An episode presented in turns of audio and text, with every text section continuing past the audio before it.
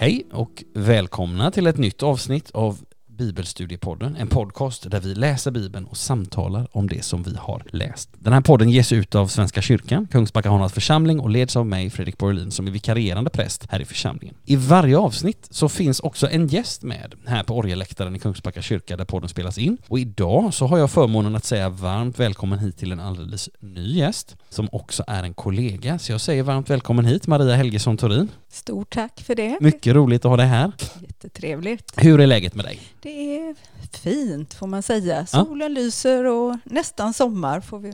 Så det känns superhärligt. Ja, men eh, visst är det. Vi spelar in detta måndagen den sista maj eh, och en varm morgon. Det här kommer sändas eh, någon gång i ska vi se i juli tror jag. Då hoppas vi att det kanske rent av är ännu några grader varmare. Men, men sommaren känns som att den är på gång nu. Verkligen. Mycket, mycket roligt. Du, jag tänkte sådär, en öppen inbjudande fråga till dig som, jag, som kanske låter lite fientlig när man ställer den, men jag, jag, jag, jag läser så här i mitt manus. Vem är du och vad pysslar du med? Ja. Men det är, ba, det är bara en, en, en, intre, en intressefylld fråga till dig. Precis, ja. Nej, men eh, jag heter ju Maria och jobbar uppe i Sankta Gertruds kyrka. Just det. Eh, som både pedagog och eh, församlingsvärdinna. Just det. Så att eh, jag har en eh, delad tjänst. Mm. Så som värdinna sköter jag ju det mesta i huset. Just det. Eh, men som pedagog då jobbar jag med de allra yngsta barnen. Ja. Så att öppet husverksamhet ja. för barn och deras familjer ja. 0 till 6 år. Ja. Jag kan säga att hade jag inte, och det här säger jag inte bara för att du är här, det finns andra som har hört mig säga detta också. Hade jag inte blivit präst men ändå bestämt mig för att jobba i kyrkan, då hade jag velat vara värdinna eller liksom husfar eller vad man ska säga. Inte för att jag är vidare händig, för det är jag absolut inte. Men det här att få liksom bidra till en positiv miljö, alltså mm. Mm. ordna med och se till att det finns. Alltså det, det tycker jag det är, det är fantastiskt att Precis. ha. Jag hoppas, att, jag hoppas att, att du trivs lika bra med dina arbetsuppgifter som jag föreställer mig att jag skulle trivas med dem. Ja, men det gör jag verkligen. Och ja. det är ju verkligen mötet med andra människor som ja. är det centrala. Mm. Det är fantastiskt att få den förmånen. Ja. Ja, vad roligt att höra. Gott, då har mina, för, eller mina förhoppningar, eller vad vi ska, fördomar, eller vad vi ska kalla dem, ja. inte kommit på skam än. Nej, du har nej. inte sagt det är förfärligt Fredrik. liksom. Precis, nej. Ja, vad gott att höra. Du, jag tänkte vi ska läsa Bibeln här och så vidare och så. Jag tänkte, hur använder du Bibeln i ditt arbete? Ja, alltså i barngruppen så, eh, så blir det ju att mycket vilar i kyrkoåret. Just det. Eh, så man försöker ju liksom att lyfta fram det som är ja, aktuellt just nu. Mm. För, och det handlar ju om att liksom utbilda familjer liksom mm. i vårt kyrkoår. Mm. Sådär. Och det är klart, i det så ligger ju grunden att man följer ja, det ja. som står i Bibeln, det som är aktuellt just nu. Ja. Så, så använder jag det. Mm. Men sen så är det ju sådär att eh, i vårt arbetslag så har vi ju haft liksom ja, läsning varje tisdag. Ja. Och då läser vi en bit i Bibeln och reflekterar och, mm. och ber över det. Mm. Eh, och jag har ju jobbat där uppe sedan 01. Just det. Och det var liksom, eh, det hade varit så i många år dessförinnan och har liksom varit i en obruten linje och det har ju varit en fantastisk eh, tillgång att få mm. ta del av det. I arbetet så att säga. Ja, vad gott att höra. Jag tänker kyrkåret är en sån bra grej också för dels så får man en väldigt bredd av bibeltexter mm. och man får de tre årgångarna kanske eller sådär att man liksom läser lite olika texter på olika pingstdagar eller vad det nu kan vara och sen så tänker jag också det är också en bra, alltså det, det är aldrig fel och jag tänkte jag snart skulle fråga dig om favoritbibelställen men det är lätt att våra favoritbibelställen det blir liksom det vi alltid går in på mm. och det är ju bra med, det är bra med kyrkåret för då har man också en naturlig ingång. Vad ska vi prata om idag? Ja men vi tar, något, alltså vi tar söndagens text för att då då har man alltid någonting och Verkligen. Då fastnar man inte på sin egen hemmagata alltid. Nej, nej, nej, men så är det ju. Men sen är det väl lite speciellt när man jobbar med barn också, att, ja. Eh, att det är ju vissa årgångar är lättare. Ja, ja men det kan jag tänka mig. Så att eh, där väljer man kanske lite friare för ja. att eh, det passar liksom ja. bättre med vissa. Och vissa är svårare helt enkelt och då, då kanske man undviker dem. Och det kan jag känna också ibland när man liksom förbereder en, för en predikan en söndag sådär, eller om man liksom funderar kring söndagens överskrift så är det vissa, vissa te teman eller överskrifter som den, de är mycket lättare att haka tag i mm. för att försöka säga någonting idag. Liksom. Sen är det, men sen det är klart att det är, så att det, det är olika grad av utmaning kan man säga. Men, men det är alltid utmanande att, att säga någonting i en gudstjänstsituation eller i en barngrupp eller någonting och tänka nu vill jag verkligen skicka med någonting här. Mm. Så det, är, ja, det är ett viktigt jobb verkligen. Roligt. Du, när vi, vi har redan varit inne på det lite men, men har du något favoritbibelställe sådär? Alltså det är ju svårt när man ska välja ut något, men jag Ja. tog ju faktiskt från Jesaja 41.10. Ja! Var inte rädd, jag är med dig. Ja. Ängslas inte, jag är din Gud. Jag ger dig styrka och hjälper dig, stöder och räddar dig med min hand. Just det.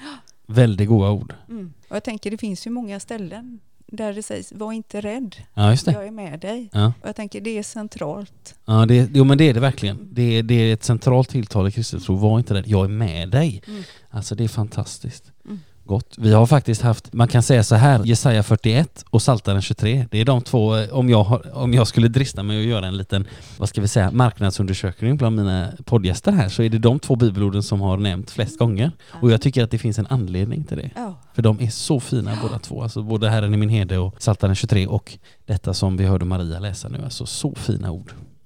Och sanna ord och det är det bästa, det är inte bara något mysigt önskemål utan det är en verklighet också. Gott. Ja, jag tänker så här, vi ska börja zooma in på dagens läsning alldeles, alldeles strax. Vi ska läsa Apostlagärningarna 13 idag. Vi är snart halvvägs genom den här ganska omfattande bibelboken och idag så ska vi, det finns en risk att man säger det i varje avsnitt, idag händer det grejer liksom. Men det gör det faktiskt för idag så, man kan säga idag inleds på ett sätt del två i Apostlagärningarna för nu har vi liksom fått läsa om församlingens första tid och, och så vidare och vad som händer. Och sen så är ju, och det, jag vet inte om hur, hur det är med detta men en tes jag har det är att när många tänker på apostlagärningarna så tänker de på aha, Paulus resor. Han är ute och reser och idag så, så liksom inleds den första av de resor som Paulus gör. Vi ska återkomma till det om, om en liten stund. Jag tänkte att vi ska börja med att bara be inför vår läsning. Så jag knäpper mina händer, du som lyssnar är varmt välkommen att göra det också. Låt oss be. Kära Herre, så ber vi dig nu att du öppnar ditt ord för våra hjärtan och våra hjärtan för ditt ord. Amen. amen. Ja, vi ska nu ge oss in i dagens kapitel som är Apostlagärningarna 13, men före dess så ska vi bara som en liten introduktion säga några ord för att så att säga ta upp tråden från förra avsnittet. I några kapitel nu, kapitlen 8, 9, 10, 11, 12, så har Lukas i sitt berättande liksom, han har liksom vävt samman det som två olika personer gör. Petrus å ena sidan Saul eller Paulus å andra sidan. Vi har fått följa växelvis den ena, växelvis den andra, deras resor och göranden och låtanden och, och sådär. Men i förra kapitlet så konstaterade vi att Petrus nu lite grann försvinner ut ur berättelsen och Lukas går verkligen över till att mera fokusera på att följa bara Saul som i dagens kapitel börjar uppträda under det namn som han är mest känd under, det vill säga Paulus. Petrus kommer att göra en kort comeback i kapitel 15 när vi ska läsa om apostlamötet i Jerusalem. Men förutom det så är Lukas och apostlagärningarna och därmed också vårt fokus nu på Saul eller Paulus och på det som han ska göra, nämligen som vi redan har nämnt, resa. Tre missionsresor kommer vi få läsa om att Paulus gör och sen hans sista resa som går till Rom. Det är också ett enkelt sätt att sammanfatta alla kapitel som vi har kvar i apostlagärningarna inklusive dagens. Paulus resor eller Paulus resor. Det är det som kommer att hända nu i kapitel 13 och fram till kapitel 28. Och den första av de här tre missionsresorna den kommer Paulus, eller förlåt Saul och Barnabas att bege sig ut på i dagens kapitel. Och det ska vi också säga, i dagens kapitel så får vi också äntligen läsa om hur Saul börjar uppträda under namnet Paulus. Så nu slipper du snart höra mig säga fel på Saul och Paulus fler gånger. Äntligen säger jag bara, för det, det har skett mer än en gång här. Men nu så ska vi be oss ut på den första missionsresan helt enkelt genom att börja läsa. Och det är Maria som kommer att läsa för oss idag. Mycket gott. Och dagens läsning har vi delat upp i tre avsnitt så att det första mycket korta avsnittet som liksom på något sätt hänger samman med alltså avsnittet som avslutade det förra kapitlet Barnabas och Saul sänds ut från Antiochia. Där läste vi ju liksom två verser ifrån den i förra avsnittet. Nu läser vi de här tre första plus det kommande, det som händer på Cypern. Så vi kommer att börja med att lyssna till när Maria läser ner till och med vers 12. Så vi lyssnar till när Maria läser. I församlingen i Antiochia fanns dessa profeter och lärare. Barnabas, Symeon, som kallades Niger, Lucius från Kyrene, Manaen, som var uppfostrad tillsammans med tetrarken Herodes, samt Saul. Medan de en gång höll gudstjänst och fastade, sa den helige anden till dem avdela Barnabas och Saul för den uppgift som jag har kallat dem till. Efter fasta och bön lade de sina händer på dem och skickade iväg dem. På Cypern. Saul blir Paulus. Dessa båda, som alltså sändes ut av den helige anden, for ner till Seleukia och därifrån seglade de till Sypen. I Salamis förkunnade de Guds ord i judarnas synagogor. De hade med sig Johannes som hjälp. Sedan tog de sig tvärs över ön till Pafos där de träffade på en judisk trollkarl vid namn Bar Jesus som påstod sig vara profet. Han umgicks med den romerske ståthållaren Sergius Paulus som var en klok man. Denne kallade till sig Barnabas och Saul och bad att få höra Guds ord. Men Ylimas, namnet kan översättas med trollkar, motarbetade dem och försökte förhindra att ståthållaren kom till tro. Saul, som även kallades Paulus, fylldes då av helig ande. Han spände blicken i honom och sa Du djävulens son, full av list och fräckhet, du fiende till allt rättfärdigt, skall du aldrig sluta att göra Herrens raka vägar krokiga? Nu slår dig Herrens hand. Du ska vara blind en tid och inte se solen. I detsamma föll töcken och mörker över mannen och han gick runt och famlade efter någon som kunde leda honom. När då ståthållaren såg vad som hade hänt kom han till tro, överväldigad av Herrens lära. Tack så mycket Maria. Ja, då är vi på väg. Barnabas och Saul har sänts ut från Antiochia och första anhalt blir på den här resan alltså Cypern. Man gör några stopp. Först Selevkia, det vill säga storstaden Antiochias hamn vid Medelhavskusten. En hamn tillhörande Antiochia och en stad i sig själv på samma gång. Sen kommer de till Salamis, en stor handelsstad på Cyperns östkust, eller liksom uppe på det här hornet, eller vad vi ska säga, som Cypern har. Eh, och som tid, en stor handelsstad och som tidigare var huvudort på den här ön. Och sen så tar man sig landvägen över ön till Pafos, som ligger på västra sidan och som var centralort vid den här tidpunkten då Barabbas och Saul kommer dit. Och den här staden, Pafos, var också känd för sin Afrodite-dyrkan. Några saker som vi bara kan påminna oss om. Vi läser i vers 1, här nämns några personer och en, en person som eventuellt är lite intressant är den här personen Manaen, som det står, som var uppfostrad tillsammans med tetrarken Herodes. Alltså det kan vara uppfostrad med, ja det kan syfta på såväl att de var fosterbröder, så verkar folkbibeln tolka det genom sin översättning, men det kan också tolkas som att de var barndomsvänner. Och den här Herodes, vi hade ju en, lite av ett Herodes-maraton här i förra avsnittet, eh, så vi ska inte säga så mycket, vi har, sagt, vi har sagt nog om den släkten, men den Herodes som verkar åsyftas här, det är troligtvis Herodes Antipas, alltså nummer två i vår uppräkning förra avsnittet av fyra Herodes, alltså han som gifte sig med sin svägerska och såg till att Johannes döparens huvud hamnade på ett fat. Den, den Herodes verkar det vara. Vi säger inte så mycket mer om Herodes där. Vi har, vi har redan överdoserat den mannen. Eh, jag har några tanke, saker till som jag tänker på, men jag vill börja med att fråga dig Maria, vad tänker du på? Eh, eller har du fastnat för något särskilt i det här avsnittet? Ja, alltså jag fastnade i det här som står att du ska aldrig sluta att göra Herrens raka vägar krokiga. Mm. Och då tänker jag för min egen del, liksom att Herrens vägar är inte alltid raka. Mm. För min del, utan jag Nej. kan tycka att Herrens vägar verkligen är krokiga. Ja. Men då är frågan om, är det jag som gör dem krokiga? Ja. Herren är tydlig, liksom att vägen är rak. Det var ju en mycket spännande fråga, måste jag börja med att säga. Jag tänker så här, när vi hör frågan då, alltså vi kan, vi kan ju säga någonting om själva, vi kan säga någonting om själva sammanhanget. Eller nej, vi, vi kan spara sammanhanget och så kan vi koncentrera oss på den här frågan. Skall du aldrig, i vers 10, skall du aldrig sluta med att göra Herrens raka vägar krokiga? Och jag får ju instämma i det som du säger Maria, det här att jag kan ibland också uppleva de vägarna lite krokiga. Så att säga. Det håller jag helt med om. Jag tänker att det som Paulus, det, för det kan vi med rätta kalla honom nu, vi behöver inte säga Saul längre, utan vi kan kalla honom Paulus. Jag tänker att han, när han säger så här, skall du aldrig sluta med att göra Herrens raka vägar krokiga, så betyder ju inte det nödvändigtvis att Herrens alla vägar är raka. Att det finns vägar som är raka och det finns vägar som är krokiga. Så att. Och om man då skulle tillämpa någonting på det och säga, men aha, vilka vägar är raka och vilka är krokiga? Det kunde man fundera över. Då, eh, nu, nu, är, nu, spekulerar jag lite grann, eller nu kåserar jag lite grann här, men man skulle, man skulle kunna tänka så här. Det finns vägar, eller om jag, om jag skulle säga så här. Jag kan uppleva Herrens vägar som krokiga, till exempel. Man är med om någonting i sitt liv som man inte riktigt förstår varför. Mm.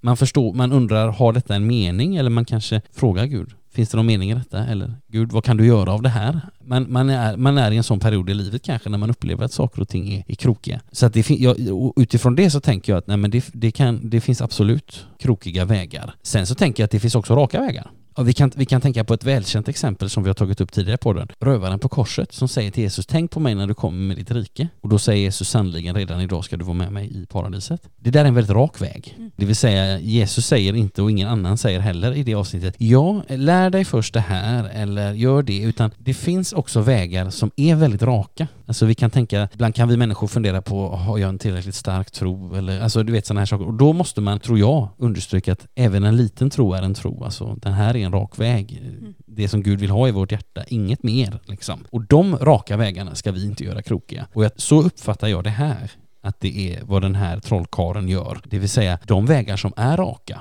de gör han på något sätt. Vi får ju inte veta allt som händer här, men, men, men vi förstår att det, det, är en kampsituation. Och de raka vägar som ändå finns och som människor behöver höra om, de har den här trollkaren försökt göra krokiga, så att säga. Mm. Samtidigt som jag tänker att nu är, det, nu är det Paulus här, alltså han har ju själv för några kapitel sedan fått en livsomvälvande upplevelse på vägen till Damaskus. Alltså han måste ju ändå på något sätt uppleva att den här vägen har ju ändå varit lite krokig för mig också. Kanske att man kan tänka så, jag vet inte. Mm. Hur, tänk, hur tänker du själv? Nej, alltså det är ju svårt.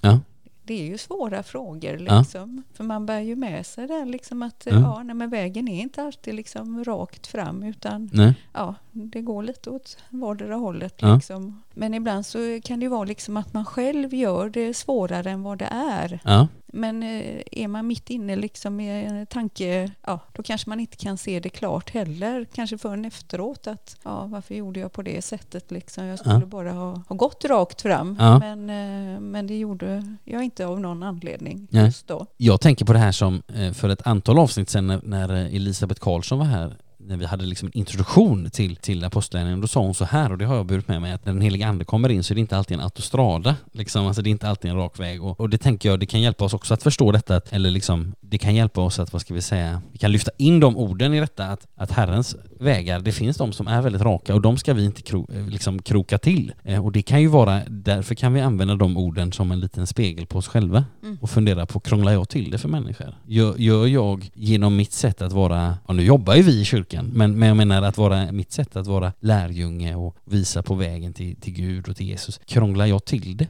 Mm. Har jag, eller liksom, gör jag de raka vägarna krokiga helt enkelt? Mm. Så, det, det, så på det sättet är det också en bra fråga att ha med sig. Vi pratade innan eh, vi tryckte på spela in här om gudstjänst med barn och familjer och sådär. Alltså att och prata med människor som kanske, ja men som inte kanske är vana att lyssna lika länge eller som inte är vana vid vissa ord som vi använder i kyrkan och, jag menar det är också ett sätt att om jag inte har en blick då på vad jag själv säger så krokar jag ju till en rak väg. Mm. Alltså jag gör ett, jag klär ett, ändå ett enkelt budskap i kanske krångliga ord eller i för många ord. Mm. Eh, ja. Så jag tänker att det, det, skulle ju också kunna vara ett ord in i den situationen på det Verkligen. sättet. Sen kan man tänka på den här, alltså vi kan ju tänka på att hela den här händelsen med den här, vad ska vi säga, trollkaren är ju också, kan vi behöva säga någonting mer om? Det är inte första gången som vi stöter på någon företrädare för någon som, som benämns till exempel trollkarl eller magiker eller sådär. Det har vi ju stött på innan, jag tror att det var i Apostlagärningarna 8, den här Simon som vill köpa den heliga andens kraft. Alltså det här är ju någonting liknande, det finns ett, liksom ett motstånd på en andlig nivå på något sätt. Va? Vi har talat om det här med ringa på vattnet många gånger, här när vi har jobbat med apostlagärningarna, att fler och fler människor liksom innesluts i det nya gudsfolket. Människor som tidigare stått utanför gemenskapen kommer liksom in. Det är ju en sån här stor rörelse i apostlagärningarna, att, att människor inkluderas som tidigare inte har varit inkluderade. Man skulle kunna sammanfatta det med uttrycket att alla är välkomna, skulle man lite kunna säga som en sammanfattning. Men det betyder inte att allt är välkommet. Där i ligger det ju en skillnad att alla är välkomna, men allt är inte välkommet. Vi stöter ju i apostlagärningarna, som vi har sagt vid några tillfällen, också på ett slags motstånd som är av ett andligt slag. Det kan handla om, som här, en andlig kamp. Men det kan också, som vi också har nämnt i Apostlagärningarna 8, handla om den här magiken Simon som verkar vilja liksom slå mynt av budskapet eller försöker köpa den heliga andes kraft. Alltså både där och då i kapitel 8 och här och nu i kapitel 13 så sätts en gräns som innebär, ja, alla är välkomna, men allt är inte välkommet. Ska Gud få en chans att visa oss vem han är och vad han förmår och hur mycket han älskar oss så behöver vi liksom ge honom första platsen och den enda platsen, inte en liten bit av vårt inre liv, utan Gud måste få hela den platsen i vårt inre liv. Paulus skriver så här i Kolosserbrevet 3 till exempel om den nya människan, och skriver så här, Kristus blir allt i alla. Det är målet, dit är det ofta en vandring för oss, inte minst jag i alla fall för mig, och det kan vara en krokig väg, att låta Kristus bli allt i alla. Och det, det är ofta en vandring och en krokig väg, men det är ett arbete som den helige Ande så gärna verkar i oss. Så det inte, handlar inte bara om en väg som vi ska hitta, utan det handlar om en väg som vi ska ledas fram på av den helige Ande. Men den är inte alltid spikrak. Nej. Men som vi har sagt innan, det finns raka vägar och de ska vi inte kroka till. det skulle kunna vara ett bra sätt tror jag att sammanfatta detta. Har du något annat Maria som du tänker på i det här avsnittet? Inte precis där, nej. Nej, jag tänker på, alltså vi har ju, vi skulle säga någonting om det här med nytt namn också. Nu har vi konstaterat att äntligen så får vi kalla Paulus för Paulus. vi behöver inte, inte säga Saul längre. Man kan bara säga någonting om det här, för det händer ju på några ställen i Bibeln att människor får nya namn. Och vi kan inte säga att det som händer i dagens avsnitt liknar så mycket när andra personer i Bibeln får nya namn. Men vi ska ändå säga någonting om det här fenomenet. Och just det här fenomenet att personer får nya namn, det är någonting som det finns ett flertal exempel på i Bibeln. Vi kan tänka på Abraham och Sara, som vi stöter på i Första Mosebok. De heter ju från början Abram och Sarai. Men några kapitel in i berättelsen om dem, i Första Mosebok 17, så får de sina nya namn i samband med att Gud, så att säga, instiftar omskärelsen och därigenom ingår ett förbund med Abraham och det folk som han liksom ska bli stamfader till. Det är en viktig händelse. Sen kan vi tänka på en annan person, Abrahams barnbarn, patriarken Jakob. Han får namnet Israel. Det är ju han vars tolv söner utgör grunden för Israels tolv stammar. Jakob får sitt nya namn Israel efter att han brottats med Gud vid Jabboks vad, också det är första Mosebok. Det är också en viktig händelse. Vi kan ta ytterligare ett exempel från Nya Testamentet. Det är ju när Petrus som vi lite har vinkat hej då till nu i Apostlagärningarna, även om vi får se honom en gång till. Alltså när Petrus kallas att bli lärjunge till Jesus för första gången så har han ju från början namnet Simon. Men också han får ju ett nytt namn. Vi läser i Johannes 1 så här. Jesus såg på Simon och sade Du är Simon, Johannes son. Du ska heta Kefas. Det betyder Petrus. Alltså det här sker när Petrus kallas att följa Jesus. Också det är en viktig händelse precis som med Jakob och med Abraham och Sara. Och det här för oss till det namnbyte som vi möter på i det här avsnittet i Apostlagärningarna. Saul börjar nu uppträda under namnet Paulus och då kan vi kanske dra slutsatsen, vi skulle kunna göra det, någonting viktigt eller kanske till och med avgörande har det hänt här eftersom Saul nu börja uppträda under namnet Paulus. Man hade kunnat tänka sig att den här händelsen på vägen till Damaskus som vi läste om i kapitel 9, att det skulle innebära, nu får han sitt nya namn liksom. Det hade ju kunnat vara ett lämpligt tillfälle för ett namnbyte, men nu sker det här på Cypern och vi kan fundera på varför. Vi kan notera, det här namnbytet nämns ju bara, det är ju inte så att det är Gud som säger du ska heta det va? Utan det står bara lite i förbegående i vers 9. Saul, som även kallades Paulus. Här finns inget gudomligt påbud, men det sker ju ändå på något sätt i en, ja men i en viktig situation på något sätt. Här är ju något av en,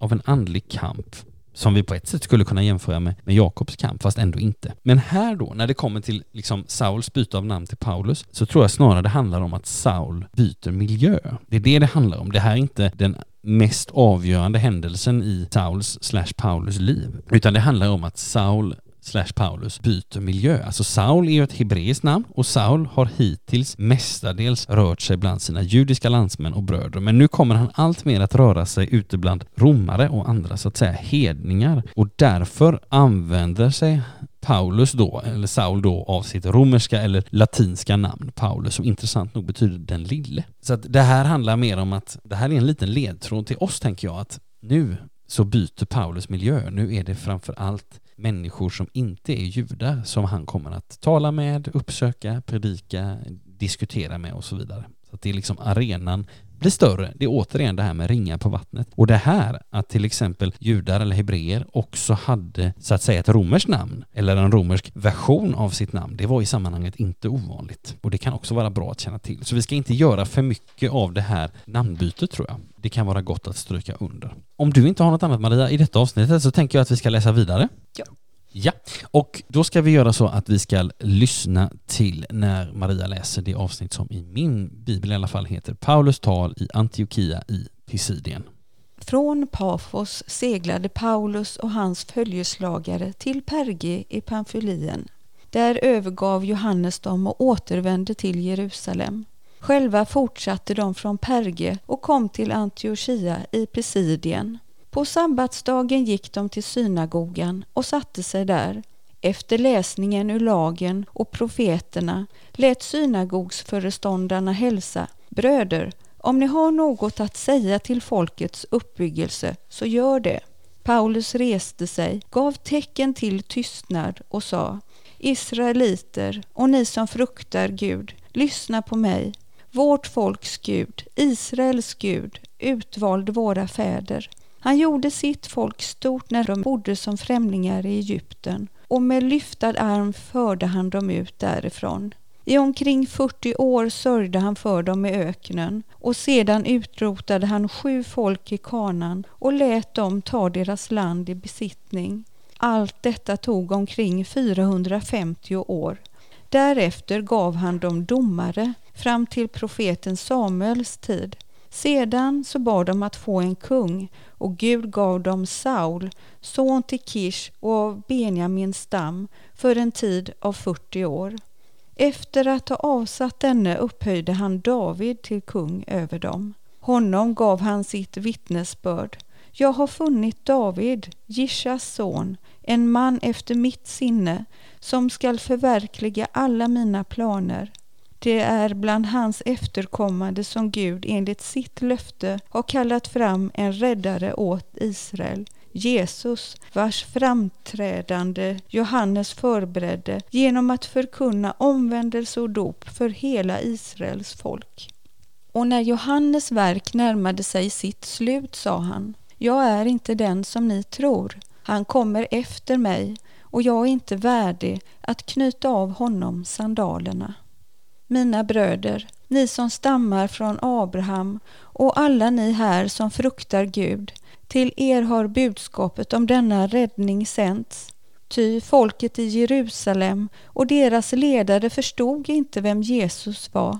De dömde honom och uppfyllde därigenom också de profetord som lästes varje sabbat fast de inte kunde finna honom skyldig till något som förtjänade dödsstraff krävde de att Pilatus skulle avrätta honom. När de hade fullgjort allt som var skrivet om honom tog de ner honom från korset och la honom i en grav. Men Gud uppväckte honom från de döda och han visade sig sedan under en längre tid för dem som hade följt honom från Galileen upp till Jerusalem och som nu är hans vittnen inför folket. Vi förkunnar alltså för er detta budskap. Löftet fäderna fick har Gud instiftat åt oss, deras barn, genom att låta Jesus uppstå, som det heter i andra salmen.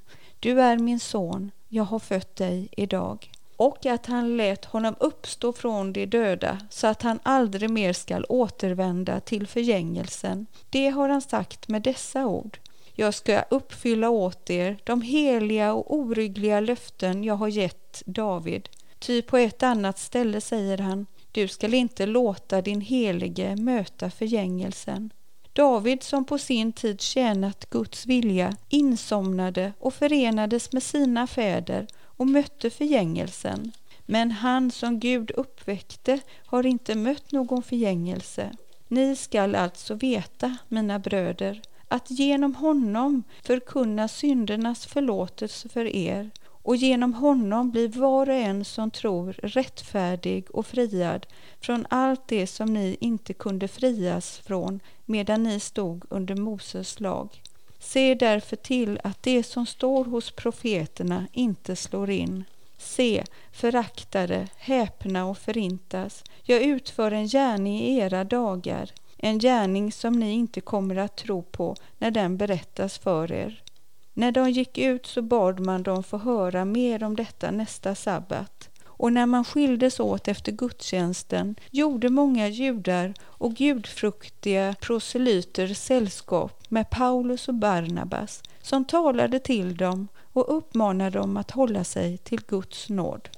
Tack så mycket Maria. Ja, så får vi alltså ännu ett tal till livs här i kapitel 13 och detta är väl egentligen Paulus första egentliga tal och därför är det särskilt värt att studera det vad han säger och vad han inte säger och så vidare. Men vi ska börja med att konstatera att det har skett ytterligare en förflyttning under den här första, den första missionsresan. Alltså vi har lämnat Pafos på västra Cypern och tagit oss till Perge i Pamfylien. Alltså det handlar alltså om sydkusten i dagens Turkiet. Har du varit i Turkiet Maria? Aldrig. Nej, det här Perge ligger i alla fall inte särskilt långt från den ganska välkända turistorten, nu ska vi se här, Antalya, som en och annan svensk har varit på, dock inte jag själv, jag har aldrig varit i Turkiet, men på Turkiets sydkust alltså. Och därifrån Perge så beger man sig till Antiochia eller Antiochia i Pisidien och det är alltså ett annat Antiochia än det som resan startade ifrån. Alltså där resan startade, Antiochia, det är den liksom stora staden, den romarrikets tredje största stad. Nu är vi i det betydligt mindre Antiochia i Pisidien som ligger liksom i inlandet i Turkiet 15 mil ganska rakt norrut ifrån det här Perge. Och varför fanns det flera Antiochia? Ja, det är väl av samma anledning som att i Sverige finns Karlstad, Karlskrona, Karlsborg. Alltså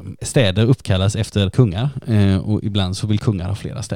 Så att det är av den anledningen. Och vi kan också notera att Johannes, eller Johannes Markus som han också heter, det vill säga Markus evangeliets författare som har varit med en, en bit på den här resan, han lämnar nu Paulus och Barnabas i Perge och återvänder till Jerusalem och det faktumet att han lämnar dem, det kommer vi att, det får lite konsekvenser i ett senare kapitel, så det bara kan vi stryka under och, och dra oss till minnes. Men nu blir det ett tal i synagogan i Antiochia i Pisidien och vi ska titta lite närmare på det och därför vill jag börja med att fråga dig Maria, vad fastnar du för i det här talet? Är det någonting som, eh, som du har hängt upp dig på eller vill stryka under? Ja, jag fastnade i ordet förgängelse. Ja. ja. Och eh, om det nu är som jag tänker då att förgängelse är den fysiska döden, ja. så säger han ju i 36 att eh, David som på sin tid tjänat Guds vilja, han mötte förgängelsen. Ja. Men så i 37, men han som Gud uppväckte har inte mött någon förgängelse. Just det. Eh, och då tänker jag ju Jesus. Mm. Och då har han inte mött den fysiska döden. Eh, och, ja, ja, nej, men det bara skapar en massa tankar här. Hur, hur ja, just förhåller det. sig detta egentligen? Ja, men det förstår jag. Och då, tänk, då tänker jag så här. För, för jag förstår att man kan absolut läsa det här avsnittet så. Jag tänker att det inte riktigt det som Paulus menar. När han säger så här i, i vers 37, men han som Gud uppväckte har inte mött någon förgängelse, det vill säga det betyder inte att han inte har dött en fysisk död, så att säga, utan det betyder att den fysiska döden som han dog, den döden kunde inte hålla kvar honom. Och varför uttrycker sig Paulus på det här sättet? Dog inte Jesus? Jo, det gjorde han. Men jag tror att Paulus säger detta för att liksom skapa en kontrast mellan David, som ju är liksom den store kungen och som det, det har vi hört här i början av apostlärningarna. Lärjungarna frågar, är, är tiden nu inne när du ska återupprätta Davids rike? Alltså han är den store. Alltså han är som våran Gustav Vasa eller någon som man mm. tänker är liksom, wow, den som verkligen har liksom gjort skillnad i historien. Och här vill Paulus på något sätt liksom skapa en kontrast mellan att ja, fast även David mötte förgängelsen. Men Jesus som dog, han uppväcktes och därför kan man i en mening säga att han inte mötte förgängelsen. Mm. Är det, var det ett någorlunda svar ungefär? Absolut. Ja, ja. Gott. Alltså vi har ju, jag tänker så här, när vi nu rör oss i ett tal här i apostlärningarna så ska vi titta egentligen på två saker. Dels så ska vi belysa några stickord eller termer eller begrepp som, som Paulus använder. Vi ska inte på något sätt förklara dem eller så, utan vi ska bara notera. Paulus är i en synagoga, han pratar med sina judiska bröder och det märker vi här för han tar upp i sitt tal många milstolpar. Vi kan tänka på Gamla Testamentet och så kan vi tänka att nästan hela Gamla Testamentet summeras i det här talet. Alltså det är också, det, det är gott att tänka på. Och sen så ska vi titta lite på också de här tre ingredienserna som vi, som vi har tittat lite efter i tal tidigare i apostlagärningarna. Men vi kan börja med, vad är det Paulus nämner? Jo, han börjar ju så här va. I vers 17 så talar han om våra fäder. Han talar om i vers 18 om de 40 åren i öknen. Han talar om kanan i vers 19, om domare och profeten Samuel i vers 20, om Saul och om David i vers 21 och 22. I vers 23 så säger han så här, det är bland hans, alltså det vill säga Davids efterkommande som Gud enligt sitt löfte har kallat fram en räddare åt Israel, det vill säga Jesus. Paulus talar om Johannes döparen i vers 24 och 25. Han säger i vers 27 till folket i Jerusalem och deras ledare förstod inte vem Jesus var. Han nämner Pilatus i vers 28, korset och graven i vers 29, att Gud uppväckte honom från de döda i vers 30. Och så står det så här, och han visade sig sedan under en längre tid för dem som hade följt honom från Galileen upp till Jerusalem och som nu är hans vittnen inför folket i vers 31 en summering i vers 32-33 så här. Vi förkunnar alltså för er detta budskap. Löftet som fäderna fick, alltså det var ju våra fäder, det var ju så han började. Löftet som fäderna fick har Gud infriat åt oss, deras barn, genom att låta Jesus uppstå. Han liksom knyter ihop säcken. Och så kommer det en sån här inbjudan eller tilltal i vers 38-39 där Paulus säger så här. Ni skall alltså veta mina bröder att genom honom förkunna syndarnas förlåtelse för er och genom honom blir var och en som tror rättfärdig och friad från allt det som ni inte kunde frias från medan ni stod under Mose lag. Och vi kan redan konstatera att de här tre ingredienserna som vi försöker titta efter i alla tal som vi stöter på i, i alltså Petrus tal har vi varit flera stycken, Stefanos tal och så vidare. Vi försöker titta efter de här tre ingredienserna och jag kan säga att vi hittar dem alla tre. Och vilka är de här tre ingredienserna? Jo, för det första, vad har Gud tidigare gjort med sitt folk i historien och det får vi massa exempel på här. Sen är den andra ingrediensen vad Gud nyligen har gjort genom sin son Jesus Kristus och det får vi också en tydlig beskrivning om här. Och sen är den tredje ingrediensen vad Gud genom sina vittnen till exempel då Paulus, nu inbjuder människor till och det finns ju också uttryckt här. Så att de här tre ingredienserna finns alltså med alla tre och det innebär konsekvenser, både positiva kan vi säga och också mer negativa. Alltså här, för att prata om hur vi började här i kapitlet, här finns både raka vägar och här finns krokiga vägar mm. som uppenbarar sig här. Alltså, vi hörde ju hur Maria läste så här. I vers 42 så hörde vi Maria läsa så här. När de gick ut bad man dem att få höra mer om detta nästa sabbat. Och när man skildes åt efter gudstjänsten gjorde många judar och gudfruktiga proselyter sällskap med Paulus och Barnabas som talade till dem och uppmanade dem att hålla sig till Guds nåd. Alltså här tänker vi, oj, här var det positivt. Och vilka är de här gudfruktiga proselyterna? Ja, det är en, det uttrycket är lite en sammanskrivning för gudfruktiga. Det var en sån här sätt att benämna människor som alltså hade kommit till omfattat eller liksom börjat tro på Israels gud, alltså hade blivit liksom närmat sig judendomen men inte låtit omskära sig. Och proselyter, det var de som hade liksom börjat tro på Israels gud och också hade låtit omskära sig, men de var liksom inte judar av födsel och hade inte omskurit åtta dagar gamla, utan de hade liksom gått in i det judiska folket och förbundet genom omskärelsen. Alltså de var konvertiter helt enkelt. Och när då Lukas beskriver gudfruktiga proselyter så får vi väl tänka oss att det här är både den ena gruppen, alltså de som var omskurna judar och de som liksom var sympatisörer med. Alltså båda de grupperna får vi tänka sammanfattas här. Alltså det var lite blandade människor, men det var liksom två olika grupper av personer som inte var judar från födseln utan de hade liksom kommit till tro på Israels Gud i ett senare skede. Och sådana personer har vi också stött på tidigare, till exempel Cornelius i kapitel 10, den här romerska centurionen. Men vi får ju en väldigt så positiv, det blir en positiv reaktion här, men sen så får vi höra vad händer nästa vecka, följande sabbat. Och då är det inte riktigt lika positiva tongångar, då är det de lite mera krokiga vägarna skulle man kunna säga. Så jag tänker, ska vi göra så Maria att vi lyssnar, vi läser det avsnittet också? Absolut. Gott, då lyssnar vi till när Maria läser avsnittet som heter Ordet om Herren sprids i Pisidien. Följande sabbat samlades så gott som hela staden för att höra ordet om Herren. När judarna fick se allt folket fylldes de av avund och bemötte det Paulus sa med smädelser. Men Paulus och Barnabas svarade frimodigt. Det var ni som först skulle få höra Guds ord förkunnas. Men när ni nu visar det ifrån er och dömer er själva ovärdiga det eviga livet, då vänder vi oss till hedningarna. Ty så har Herren befallt oss. Jag har gjort dig till ett ljus för hedningarna, för att du ska bli till frälsning intill jordens yttersta gräns.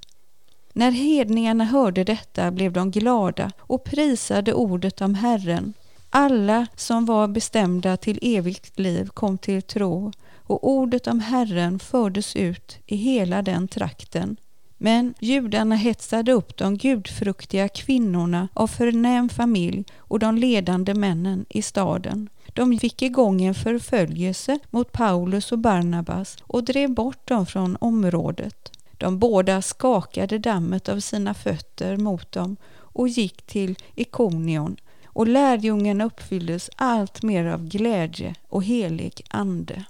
Tack så mycket Maria. Vad fastnade du för i det här avsnittet? Eh, ja, jag fastnade här att de liksom, nej, hela staden vill samlas och lyssna. Att eh, budskapet hade liksom ett sådant genomslag. Ja. Och liksom att eh, de var liksom drivna av anden och att de liksom, ja, inte var rädda utan att de stod upp för, ja, och här liksom, ja, de borstar dammet liksom av sig och går vidare liksom. Ja. Ja, det är häftigt. Ja, det är verkligen, jag håller med dig. Och just som du säger, så gott som hela staden. Alltså att det, det, liksom, ordet är i svang, eller vad man säger. Det, ja, nej, det är häftigt. Samtidigt som vi ju också läser i det här avsnittet, tänker jag, ska inte jag bli någon dysterkvist här, men vi läser ju också om en annan konsekvens. Alltså var det raka vägar förra veckan, alltså så, i förra avsnittet, så är det desto mer krokiga vägar nu så att säga. Mm. Det blir ett motstånd, det står det är liksom, motstånd är också en konsekvens av ordet och när ordet och anden är i, i svang liksom. Alltså vi läser om, om judarna och då, vi kan nog tänka där på judarna i betydelsen så som Johannes, evangelisten Johannes ofta använder, det vill säga alltså de ledande helt enkelt. De, eh, det judiska ledarskapet fylls med avund står det och bemöter det som Paulus säger med smädelser. Det är det ena. Det andra är att de här judarna, står det också, hetsar upp gudfruktiga kvinnor av förnäm familj och de ledande männen i staden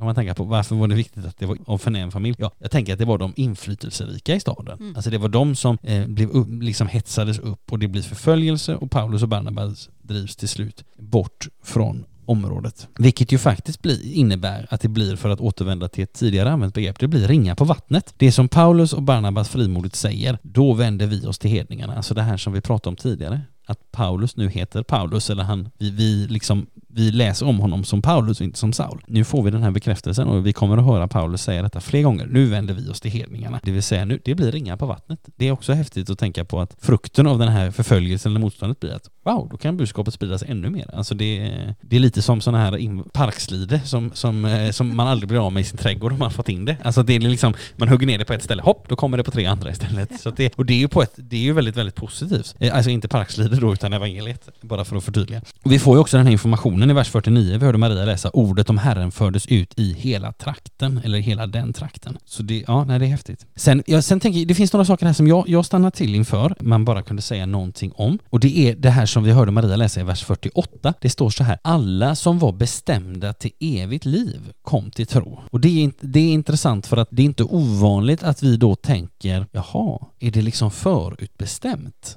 Vem som kommer till tro och så vidare. Och då tänker jag, då tänker jag så här, för att liksom bemöta det, att ja, det är en tanke som finns på några ställen i Bibeln. Vi möter det här, vi möter det i det som Jesus säger i, nu har jag faktiskt inte det bibelordet i huvudet, men det är ju det här, många är inbjudna, eller många är kallade men få är utvalda. Liksom. Det är också ett sånt där ord. Och det kan vi det är också ett sånt ord som vi kan liksom studsa till för att tänka, oj, är det, är det bestämt eller är det liksom, hur, hur funkar det? Och då får man tänka så här, ja, det där är en tanke som finns i Nya Testamentet, men det är också en tanke som är marginell så att säga. Vad menas med det? Jo, vi måste samtidigt då bryta det emot det som Jesus säger på andra ställen och som är en huvudlinje i det som Nya Testamentet vill förmedla. Till exempel, Jesus säger gå ut och gör alla folk till lärjungar. Paulus kan skriva till i, jag tror det är första Timoteusbrevet, Gud vill att alla människor ska bli frälsta och komma till insikt om sanningen. Eller ett så banalt exempel som, vi sitter ju här och spelar in en podd för att vi tror att det kan göra en skillnad, för att vi vill att,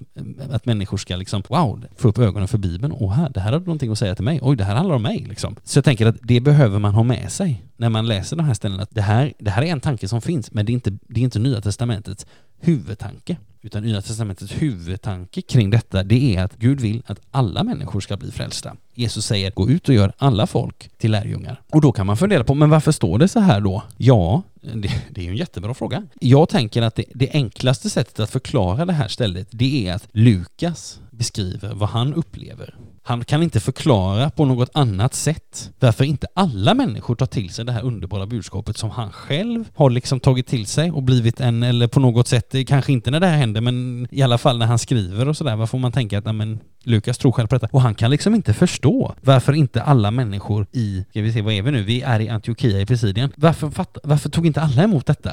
Eh, liksom. Det tror jag är det enklaste sättet och det enda sättet som jag kan förklara detta på. Det vill säga att han skriver att så här upplever han det han förstår inte varför människor tackar nej och då, då, då försöker han på något sätt förklara det för läsaren men också för sig själv kanske. Att, ja, men det, ja, de kanske inte var bestämda till det. Och det är också lätt för oss, jag menar vi kan inte sitta här och kritisera Lukas för att han skriver så eller så. För vi har ju hela Nya Testamentet framför oss. Det hade inte Lukas. Han hade, han hade väldigt lite av Nya Testamentet framför sig när han skrev. Han hade kunskap kanske om Markus evangeliet. Eh, han, hade, han, han kände Paulus och hade kanske rent av läst något av hans brev som han skrev till de här församlingarna. För de skriver ju Paulus under tiden och vi kommer snart att stöta på att Lukas börjar skriva i vi-form, alltså han är själv reskamrat till Paulus. Men vi kan inte heller förvänta oss att Lukas ska veta, ska ha det facit som vi sitter med här 2000 år senare. Men, men det är det sättet som jag, som jag förstår det här avsnittet på, att eh, det, är, det är Lukas sätt att, att på något sätt förklara vad det är som händer här. Så, så uppfattar jag det. Sen tänker jag en sån god sak så vi skulle kunna sluta med här. Det står ju någonting väldigt gott om den heliga ande allra sist. Det står så här, vill jag höra Maria läsa. Lärjungarna uppfylldes allt mer av glädje och helig ande. Så slutar dagens kapitel. Alltså den heliga ande är med och de andefyllda blir ännu mer andefyllda. Det här är verkligen den heliga andes bok. Boken om andens gärningar genom apostlarna och de får liksom hela tiden påfyllnad. Vi kan ju tycka att wow, på pingstdagen i kapitel 2, pang säger det och sen så kommer anden. Men de fylls ju på hela tiden och de fylls på under motstånd. Det är också intressant, tycker jag. Så den heliga ande har alltid mer att ge. Det påminner oss den här versen och det här kapitlet om. Ibland har vi försökt att sammanfatta kapitel här i just apostlagärningarna med kanske någon liten överskrift. Nu hade jag inget förslag på överskrift när vi började kapitlet, men jag fick ett mycket bra förslag här under, under eh, tidens gång och det är ju att vi skulle kunna sammanfatta dagens kapitel med orden raka vägar och krokiga vägar. För att här är ju vissa saker som är väldigt raka vägar och sen är det vissa saker som är ganska krokiga vägar. Så, att så skulle, det skulle kunna vara ett sätt att sammanfatta dagens kapitel. Raka vägar och krokiga vägar. Gott. Vi börjar gå in för landning nu. Jag vill börja med att säga ett stort tack till dig Maria. Tack för din läsning, dina tankar, funderingar, för att du satte ljuset på de här orden som gjorde att vi kunde sammanfatta dagens kapitel. Så stort tack för det, roligt att ha dig här. Tack så mycket. Och till dig som har lyssnat så vill jag säga så här, hoppas att du har funnit något i dagens läsning och samtal att ta med dig. Och tills vi hörs igen, vilket jag hoppas att vi gör, så önskar jag och Maria dig som har lyssnat allt gott och Guds rika välsignelse. Hej då! Hej då!